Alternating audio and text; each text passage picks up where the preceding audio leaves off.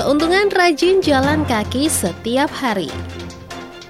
Mengapa tetap lelah saat bangun tidur pagi? Delapan cara pulihkan stamina dan kebugaran tubuh setelah sakit. Pediofobia, fobia atau ketakutan pada boneka. Dari kawasan Jalan Jagalan 36 Yogyakarta, segera Anda ikuti Detak Kesehatan dan Gaya Hidup bersama Radio Reco Buntung 99,4 FM. Selamat petang pemirsa, itulah tadi beberapa informasi yang dapat Anda ikuti dalam program Data Kesehatan dan Gaya Hidup Reco Buntung edisi hari ini Sabtu 8 Januari 2022. Bersama saya Maida Mara dan segera kita menuju informasi pertama. Detak Kesehatan dan Gaya Hidup Reco Buntung. Pemirsa dikutip dari CNN Indonesia. Apakah Anda gemar berjalan kaki? Iya, jalan kaki merupakan salah satu aktivitas fisik yang banyak disarankan karena manfaat kesehatannya. Dan berikut pemirsa keuntungan rajin berjalan kaki setiap hari. Bagi Anda yang ingin memulai olahraga, jalan kaki memang menjadi alternatif yang sangat mudah. Jadi Anda tidak perlu repot ya untuk mempersiapkan banyak alat, tapi cukup membawa diri saja sambil menikmati pemandangan di sekitar. Nah, di sisi lain, jalan kaki ternyata benar-benar membuat tubuh merasa lebih baik. Menurut psikolog klinis Gemma Harris, berjalan kaki seperti halnya olahraga pada umumnya telah terbukti mengurangi gejala depresi dan kecemasan sekaligus meningkatkan fungsi kognitif, tidur, dan juga memori. Selain itu pemirsa, berikut keuntungan rajin berjalan kaki setiap hari. Yang pertama adalah meningkatkan suasana hati. Dijelaskan oleh Haris seperti dikutip dari Metro UK. Ini karena pertama, saturasi oksigen dan pertumbuhan pembuluh darah terjadi di area otak yang terkait dengan pemikiran rasional serta kinerja sosial, fisik, dan juga intelektual. Yang kedua, Haris melanjutkan, bahwa olahraga seperti berjalan kaki membantu mengurangi hormon stres dan meningkatkan serotonin dan juga norepinefrin, yaitu bahan kimia di otak yang diketahui mempercepat pemrosesan informasi. Nah, selama dan setelah berolahraga, endorfin dan dopamin ini dilepaskan ke dalam tubuh dan juga otak yang biasanya dengan efek meningkatkan suasana hati. Kemudian yang kedua pemirsa adalah bisa menjernihkan pikiran. Manfaat khusus jalan kaki itu adalah stimulasi secara bilateral yang dapat membuat pikiran lebih jernih. Selanjutnya adalah meningkatkan energi. Terapi senior Sally Bucker berjalan juga dapat memberikan Anda dorongan energi yang sangat dibutuhkan. Dia menambahkan bahwa hal tersebut dapat mendorong orang untuk merasa lebih berenergi karena peningkatan kadar darah beroksigen yang mengalir ke seluruh tubuh. Nah, pemirsa di mana Anda harus berjalan kaki. Tidak ada aturan keras dan cepat ya tentang di mana Anda harus berjalan kaki selama Anda berada di luar. Namun, telah terbukti bahwa menghabiskan waktu di dalam dan di sekitar alam dapat meningkatkan kesehatan mental dan kesejahteraan kita. Haris juga menambahkan, ada semakin banyak bukti yang menunjukkan bahwa berada di alam bisa meningkatkan kesejahteraan kognitif dan juga emosional kita. Ini termasuk peningkatan perhatian, fleksibilitas kognitif, dan memori kerja, bersama dengan pengurangan tingkat stres dan peningkatan kebahagiaan dan juga kesejahteraan. Tapi pemirsa, apabila Anda tinggal di kota dan tidak dekat dengan ruang hijau, Harris mengatakan bahwa manfaat jalan kaki tetap bisa didapat. Dan berapa lama kita harus berjalan kaki? Berjalan-jalan tidak harus menghabiskan banyak hari atau bahkan banyak energi pemirsa. Tidak harus seharian penuh ya. Menurut Sally, jalan-jalan pendek secara rutin dan santai sudah cukup untuk menggerakkan otak kita. Nah, untuk durasinya sendiri pemirsa minimal 20 menit karena durasi ini adalah waktu yang dibutuhkan untuk hormon perasaan baik seperti dopamin dan juga serotonin ya untuk distimulasi dan dilepaskan. Pemirsa, Detak Kesehatan dan Gaya Hidup Reco Buntung akan segera kembali setelah kita mengikuti azan maghrib untuk daerah istimewa Yogyakarta dan sekitarnya.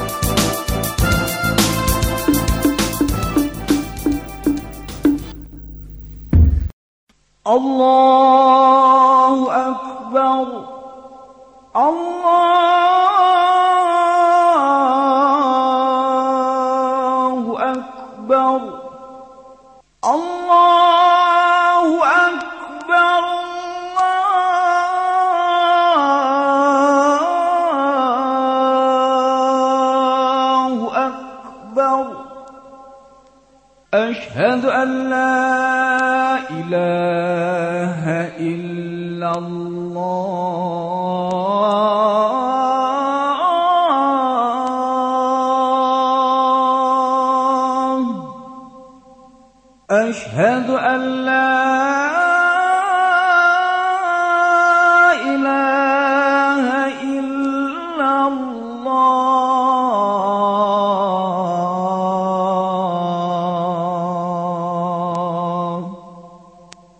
أشهد أن محمد رسول الله.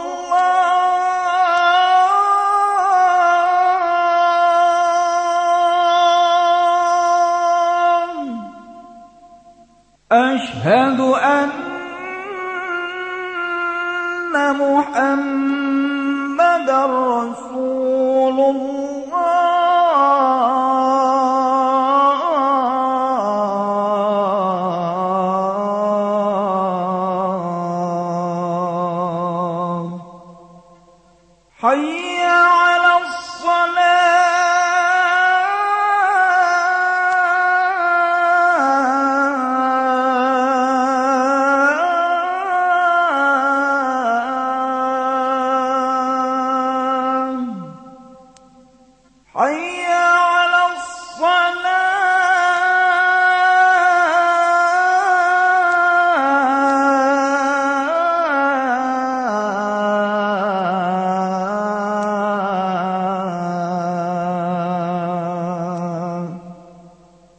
حي على الفلاح.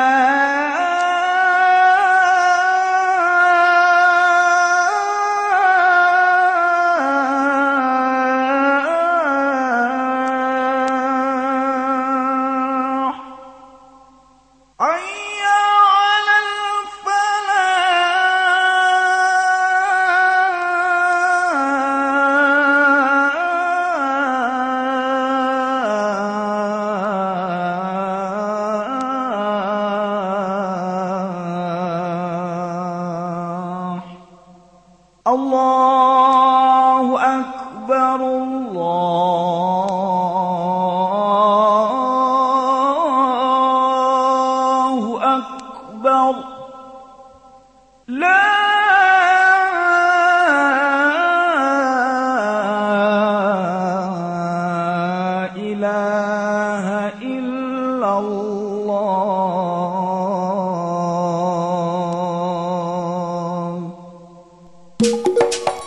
Pemirsa Anda masih menyimak detak kesehatan dan gaya hidup Reco Buntung pada hari ini Sabtu 6 Februari 2021 bersama saya Maida Marah dan informasi kami lanjutkan kembali.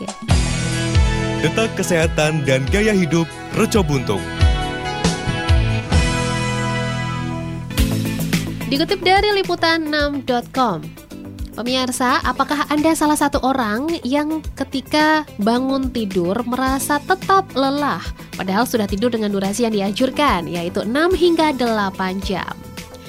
Terkadang bangun tidur dalam keadaan lelah tidak perlu dikhawatirkan pemirsa. Namun sering terbangun dalam keadaan lelah bisa menjadi gejala dari kebiasaan tidur atau ada kondisi kesehatan yang mendasarinya Hal tersebut sangat mungkin terjadi jika seseorang terus merasa lelah berkepanjangan. Nah, jika mengalami kondisi seperti ini, disarankan untuk berkonsultasi pada ahlinya. Mengutip konselor dan juga psikoterapis Jane Leonard dari Medical News Today, hal ini kemungkinan dapat disebabkan oleh beberapa hal. Di antaranya pemirsa, yang pertama adalah inersia tidur. Istilah inersia tidur mengacu pada gangguan kognitif dan sensorik motorik normal yang terjadi segera setelah bangun tidur. Gangguan terjadi ketika seseorang bangun tiba-tiba dari tidur nyenyak atau gelombang lambat. Dan ini mengakibatkan bagian tertentu dari otak mereka tidak sepenuhnya terjaga. batang otak yang mengontrol fungsi dasar aktif segera setelah bangun tidur.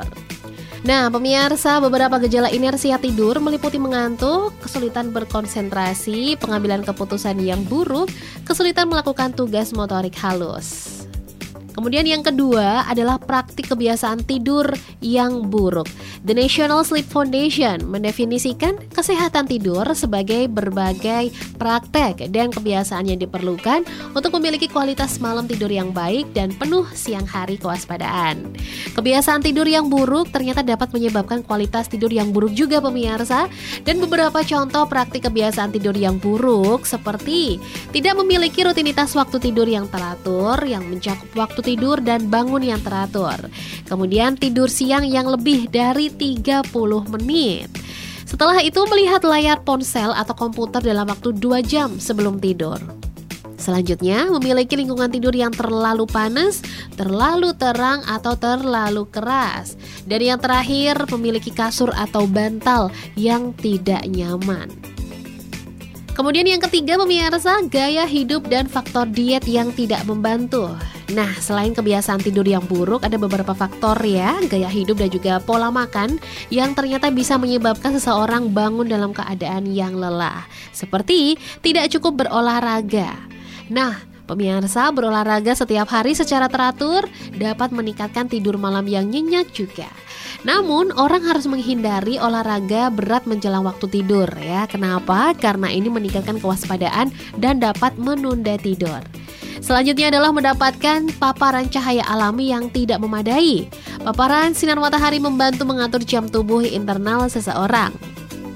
Selanjutnya, mengalami buang air kecil malam hari yang berlebihan, mengkonsumsi makanan yang mengganggu tidur seperti makanan yang berlemak atau makanan pedas, dan minum kafein atau alkohol sebelum tidur. Nah, yang keempat adalah gangguan tidur. Beberapa orang menemukan bahwa mereka terus bangun dan lelah meskipun mengatasi praktik tidur yang buruk dan faktor gaya hidup yang tidak membantu. Dan ini bisa menunjukkan gangguan tidur yang mendasarinya. Yang kelima adalah gangguan gerakan anggota badan berkala. Nah, seperti gangguan gerakan tungkai periodik terjadi ketika seseorang secara berkala dan tanpa sadar menggerakkan anggota tubuhnya ketika tertidur.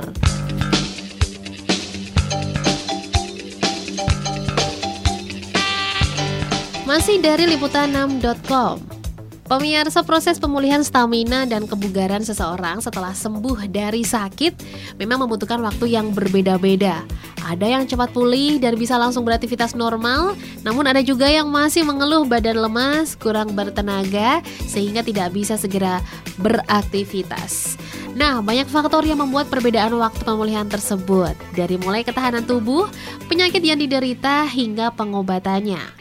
Sejatinya, tubuh memang memerlukan waktu untuk menjadi normal kembali. Namun, bila terlalu lama, tentunya akan membuat banyak pekerjaan dan aktivitas yang mengganggu. Bagi pemirsa yang masih lemas setelah sembuh dari penyakit tapi ingin segera beraktivitas dengan normal, berikut ada beberapa cara yang bisa dilakukan untuk mengembalikan stamina dan kebugaran tubuh, seperti yang dikutip dari Klik Dokter. Yang pertama adalah mengganti cairan tubuh. Sebagian besar tubuh terdiri dari air pemirsa ya. Jadi ketika seseorang sakit, cairan tubuh ini bisa berkurang drastis. Oleh karena itu, salah satu obat terbaik untuk mengembalikan kebugaran tubuh adalah dengan membuat tubuh tetap terhidrasi dengan baik. Konsumsi air putih yang cukup karena air putih sangat bermanfaat untuk membantu mengaktifkan kembali sistem tubuh yang sempat melemah ketika Anda sakit. Yang kedua adalah perbanyak asupan makanan bergizi.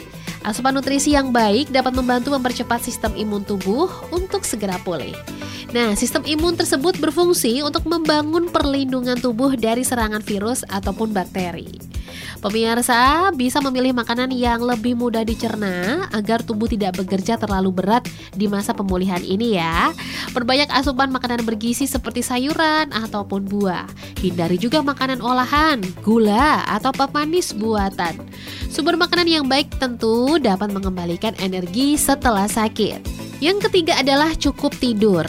Untuk mengatasi keluhan badan lemas setelah sakit yang berikutnya, pemirsa dianjurkan untuk tidur cukup, yaitu selama 7 hingga 8 jam setiap malamnya. Saat tidur, energi dalam tubuh lebih mudah pulih dan perbaikan jaringan maupun sel tubuh pun lebih maksimal bekerja. Meskipun pemirsa lebih sering berbaring dan tidur di siang hari ketika sakit, upayakan untuk tetap mengatur pola tidur yang baik. Yang keempat adalah menjaga aktivitas fisik. Pemirsa selama memasuki masa pemulihan, sebaiknya pemirsa tetap mengontrol aktivitas sehari-hari Anda agar tidak kembali sakit. Dan pemirsa juga harus lebih sadar dan menahan diri ya dari melakukan aktivitas yang berat. Yang kelima adalah hindari stres. Pada kenyataannya, stres bisa mempengaruhi pikiran. Jika seseorang berpikir sakit, maka orang tersebut akan sakit. Begitu pula sebaiknya. Jadi pemirsa cobalah untuk mengelola stres dengan baik ya karena akan lebih baik lagi kalau kita bisa terbebas dari stres. Yang keenam adalah berjalan di bawah sinar matahari pagi. Itulah mengapa pemirsa dianjurkan untuk Anda bangun lebih awal dan kalau bisa sebelum matahari terbit. Sebuah penelitian menunjukkan bahwa berjalan di luar rumah sambil berjemur di pagi hari selama beberapa menit akan meningkatkan mood dan kemampuan memori. Selain itu, vitamin D yang diperoleh dari sinar matahari akan membantu meningkatkan sistem imun. Keluhan badan lemas setelah sembuh dari sakit pun juga bisa ditangani. Selanjutnya pemirsa olahraga ringan. Mengurangi aktivitas fisik di masa pemulihan itu memang penting, namun bukan berarti kita tidak boleh melakukan olahraga. Karena faktanya olahraga ringan dapat menjadi cara untuk memulihkan tenaga setelah sakit. Misalnya saja, kita bisa mencoba meditasi atau yoga untuk menenangkan pikiran sehingga lebih memberikan energi positif bagi tubuh kita. Dan yang terakhir pemirsa adalah terapkan gaya hidup sehat. Untuk mengembalikan stamina dan kebugaran tubuh setelah sakit, cara penting selanjutnya adalah dengan mengubah kebiasaan atau gaya hidup. Memulai kembali kebiasaan hidup yang lebih sehat seperti beberapa hal yang disebutkan di atas sangatlah penting, termasuk berhenti merokok, begadang, dan tidak mengkonsumsi alkohol. Pemirsa informasi terakhir dikutip dari CNN Indonesia. Spirit doll di kalangan artis memang menjadi fenomena tersendiri. Namun tidak dimungkiri kalau ada orang yang takut pada boneka. Ketakutan pada boneka ini disebut dengan pediofobia. Pediofobia atau ketakutan pada boneka diyakini sebagai ketakutan akan sosok humanoid. Beberapa orang takut pada semua boneka dan mainan boneka, sementara yang lain hanya takut pada jenis tertentu. Boneka yang berbicara atau bergerak dan boneka porselen kuno menjadi sasaran ketakutan yang umum. Namun pemirsa, orang-orang cenderung punya pemikiran bahwa anak perempuan harus bermain boneka. Padahal tidak semua anak perempuan suka boneka, khususnya boneka bayi. Mereka mungkin menjadi tertekan jika anak mereka berteriak atau menangis ketika boneka disajikan. Namun pemirsa penting untuk diingat bahwa anak kecil baru belajar memisahkan fantasi dari kenyataan. Boneka yang tampak seperti manusia tetapi sebenarnya bukan bisa menakutkan bagi anak. Setiap kebanyakan fobia, pediofobia tidak diagnosis pada anak-anak kecuali jika telah berlangsung selama lebih dari enam bulan. Mengutip dari Very Well Mind, Ketakutan ini telah banyak dieksploitasi dalam peraturan budaya pop, mulai dari film hingga acara Halloween. Dalam sebagian besar kejadian ini, premisnya adalah bahwa boneka yang tampaknya tidak berbahaya telah menjadi makhluk hidup yang bertekad untuk menghancurkan. Nah, pemirsa, film-film ini menyentuh ketakutan utama yang mungkin menjadi salah satu akar dari pediofobia. Ketakutan akan pembunuh diam-diam. Pemirsa, ayo kita kompak dan serius mencegah penyebaran virus corona dan lindungi anggota keluarga dengan anteng di rumah saja. Jika terpaksa keluar rumah, segera mandi dan ganti baju setelah dari luar rumah. Stop menggantung baju setelah dipakai di luar rumah. Ganti baju segera sesampainya di rumah. Jangan bersandar atau menyentuh apa pun sepulang dari bepergian Hindari kontak dengan anak-anak atau anggota keluarga lainnya sebelum mandi dan ganti baju.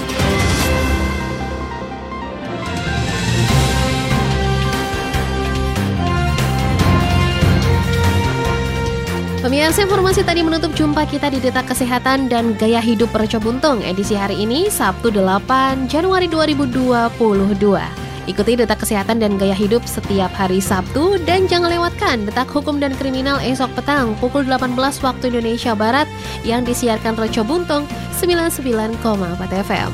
Saya Maida Mara undur diri, terima kasih atas perhatian Anda. Selamat petang dan selamat berakhir pekan. Pemirsa, telah Anda ikuti Detak Kesehatan dan Gaya Hidup. Produksi Reco Buntung 99,4 FM.